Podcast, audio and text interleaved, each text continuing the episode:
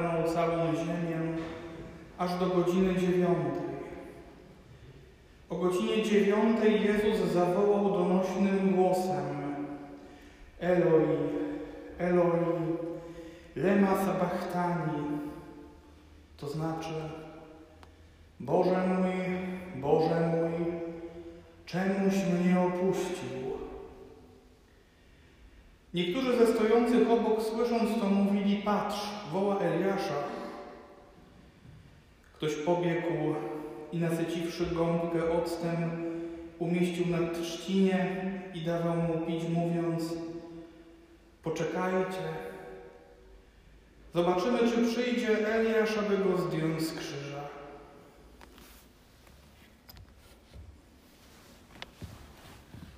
Eloi, Eloi lema sabachthani. Boże mój, Boże mój, czemuś mnie opuścił? Kiedy słyszy się te słowa, kiedy pomyśli się o tym, że wypowiada je Zbawiciel, jeden z Trójcy, Bóg wcielony, przejmuje groza. Jakże to Boży Syn woła, Boże mój, czemuś mnie opuścił? Czy jest możliwe, aby Bóg nie czuł obecności Boga? Czy jest możliwe, aby Bóg czuł się opuszczony przez samego siebie? Czy jest możliwe, aby syn czuł się porzuconym przez ojca? Jak wielki ból, jak wielkie cierpienie musi towarzyszyć temu, który wypowiada te słowa. Boże mój, Boże mój, czemuś mnie opuścił. Kiedy słyszymy Jezusa, który wypowiada te słowa, być może powinniśmy stanąć najpierw razem z Nim w ogrójcu i jeszcze raz przypomnieć sobie to, co się tam wydarzyło. A kiedy przyszli do posiadłości zwanej Getsemani, rzekł Jezus do swoich uczniów: Usiądźcie tutaj, ja tymczasem się pomodlę. Wziął z sobą Piotra, Jakuba i Jana i począł drżeć oraz odczuwać trwogę. I rzekł do nich: Smutna jest moja dusza aż do śmierci. Zostańcie tu i czuwajcie. I odszedłszy nieco do przodu, padł na ziemię i modlił się, żeby, jeśli to możliwe, ominęła go ta godzina i mówił: Abba, ojcze, dla ciebie wszystko jest możliwe. Zabierz ten kielich ode mnie. Lecz nie to, co ja chcę, ale to, co ty niech się stanie.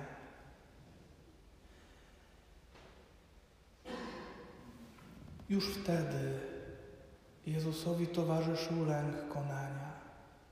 Już tu, w tym szczególnym momencie, uwydatniało się jego człowieczeństwo. Bo człowiek, chcąc nie chcąc, boi się śmierci. Popatrzcie, my wszyscy, chociaż wiemy, że przyjdzie nam umrzeć, boimy się śmierci. W ten czy inny sposób chcemy odsunąć od siebie ten moment jak najdalej. Nie chcemy umierać. A człowiek współczesny to już w ogóle chciałby chyba żyć wiecznie, bez cierpienia, bez bólu, bez chorób.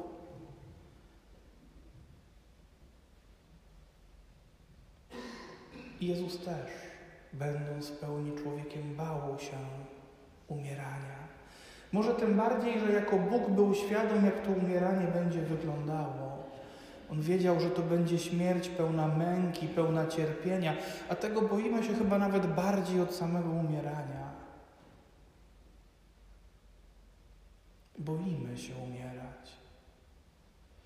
Jezus prosi całkiem świadomie, aby było mu to oszczędzone, jeśli jest to możliwe. I ja myślę, że taka modlitwa byłaby możliwa w wypadku każdego człowieka. Boże, jeśli to możliwe, odsuń ode mnie wszelki ból, wszelkie cierpienie, zachowaj mnie od śmierci. I wielu z nas byłoby gotowych się tak modlić. Ale popatrzcie, że bardzo często ten lęk dotyczy życia na tym świecie. My się boimy bólu i cierpienia tu i teraz na ziemi. My się boimy umierania tu dla tego życia, dla tego świata. Strach przed śmiercią na wieki, strach przed cierpieniem na wieki, ten nam zdecydowanie mniej towarzyszy. A przecież, i to jest prawda, człowiek, który umiera dla tej ziemi, nie kończy swego istnienia. Jest powołany do życia w chwale albo i nie. Jest powołany do życia z Bogiem, albo jeśli jego grzechy przeważą, to i nie. Ale jest powołany do życia wiecznego. I to życie wieczne, czy w niebie, czy nie w niebie, ono jest faktem. I my się nie boimy o to, co będzie potem, my się boimy o to, co będzie tu. A przecież nasze życie tu na ziemi to zaledwie chwila wobec wieczności. A Jezus też się tego bał. To jest niesamowite, że Bóg przedwieczny, który istniał zanim się narodził i który istnieje nadal, chociaż umarł i zmartwychwstał, on też ten lęk przeżył.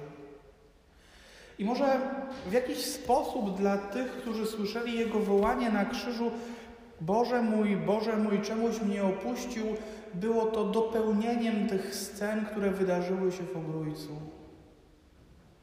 Było to jak gdyby konsekwencją tego strachu, tego lęku, bo kiedy już nie było odwrotu, kiedy śmierć była spoglądającą w oczy,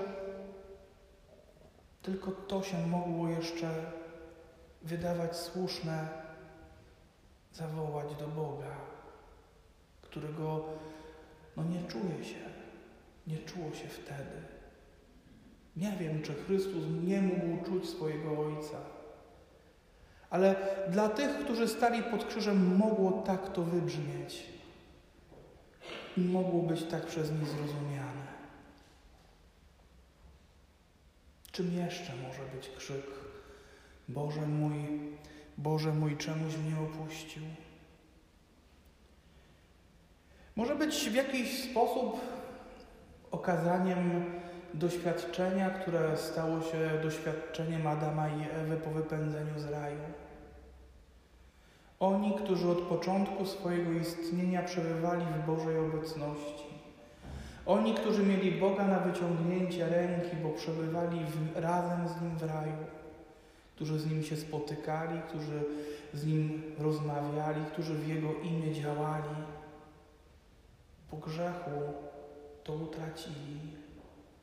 I zobaczcie, że częstym w życiu człowieka wołaniem kiedy już człowiek bardzo mocno popadnie w swój grzech, kiedy poprzez swój grzech oddali, oddzieli się od Pana Boga, jest też wołanie: Boże mój Boże, czemuś mnie opuścił, i próba zwalenia winy za wszystko, co złe na Pana Boga. W przypadku Jezusa bynajmniej nie o to chodzi, ale możemy sobie właśnie przypomnieć scenę z raju. Święty Paweł nazwie Pana Jezusa drugim Adamem, tym, który odwrócił całą sytuację, tym, który naprawił to, co Adam zepsuł, i zdać sobie sprawę z tego, że grzech rodzi barierę między człowiekiem i Bogiem. Zrodził przepaść między Bogiem a Adamem.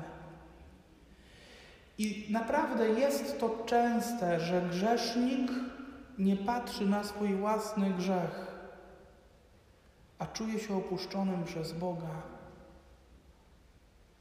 Przy czym to poczucie może być swego rodzaju pokusą, podpowiedzią pochodzącą od złego. Bo to nie Bóg opuszcza człowieka, gdy człowiek grzeszy, tylko człowiek opuszcza swoim grzechem Pana Boga. I owszem, pozostaje pustka w sercu grzesznika do momentu, kiedy się nie nawróci, nie padnie do krat konfesjonału, nie wyzna swoich grzechów i nie usłyszy słów i ja odpuszczam Tobie grzechy w imię Ojca i Syna i Ducha Świętego. Ale może być też doświadczeniem grzesznika właśnie chęć tego przerzucenia ciężaru winy na Boga bo to przecież Bóg mnie opuścił. Tak jest łatwiej znaleźć winnego poza sobą. To Ty mnie, Boże, opuściłeś. Furda moje grzechy, Ty mnie opuściłeś.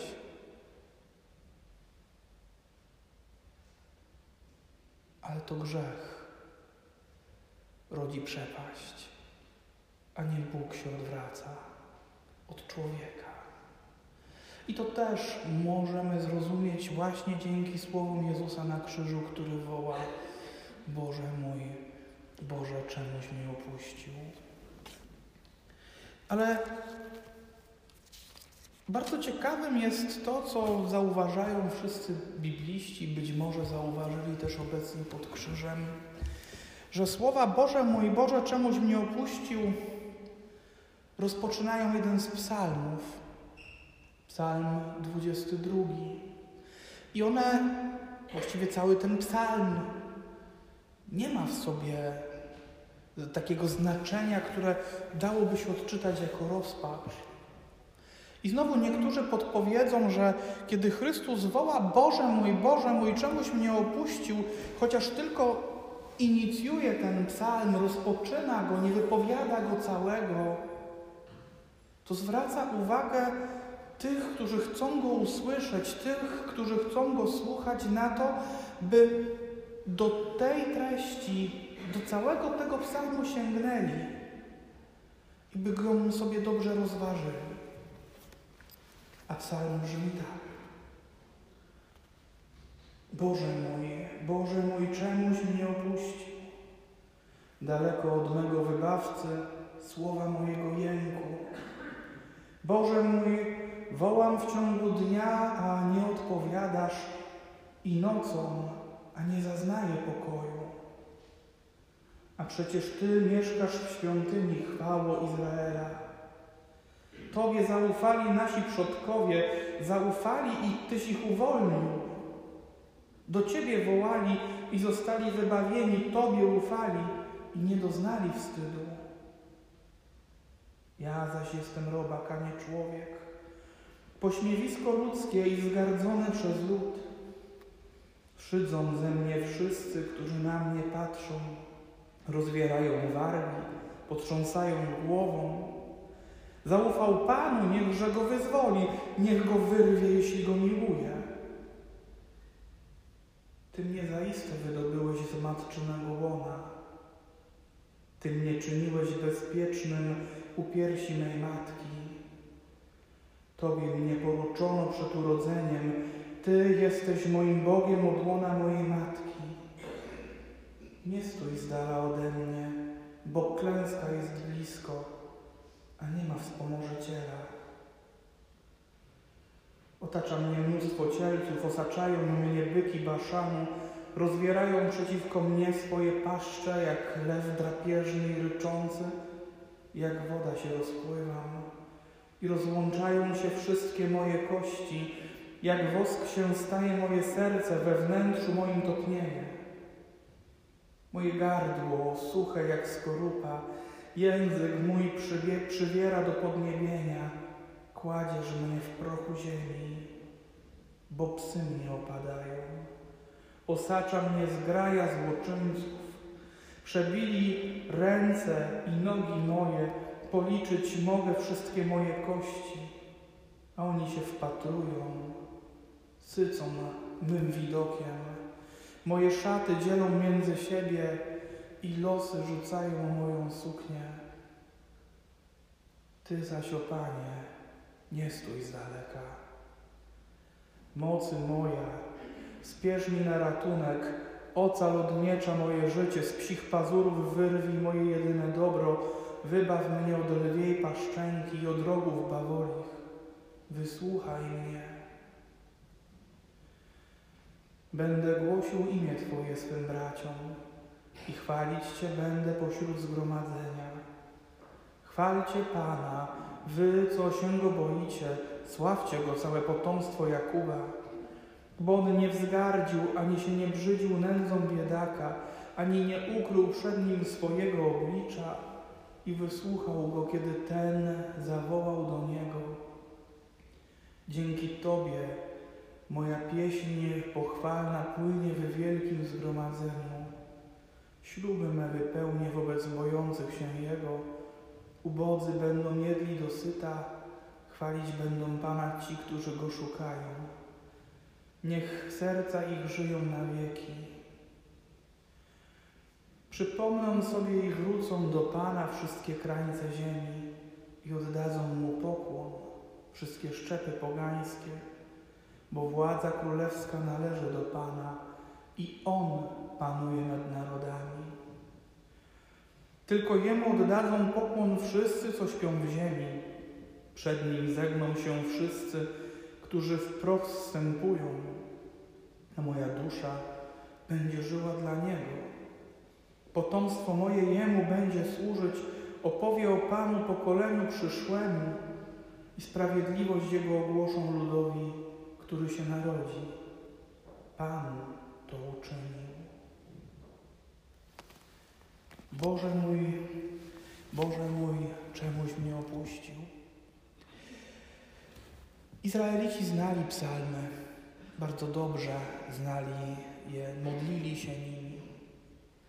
Być może właśnie w tym trzeba upatrywać sensu wypowiedzi Pana Jezusa. On dawał im znak. Ten psalm opowiada, podobnie zresztą jak czwarta pieśń o słudze Jachwę z księgi proroka Izajasza, cierpienie Mesjasza. Wypowiada całą jego skargę na ból, którego doświadcza.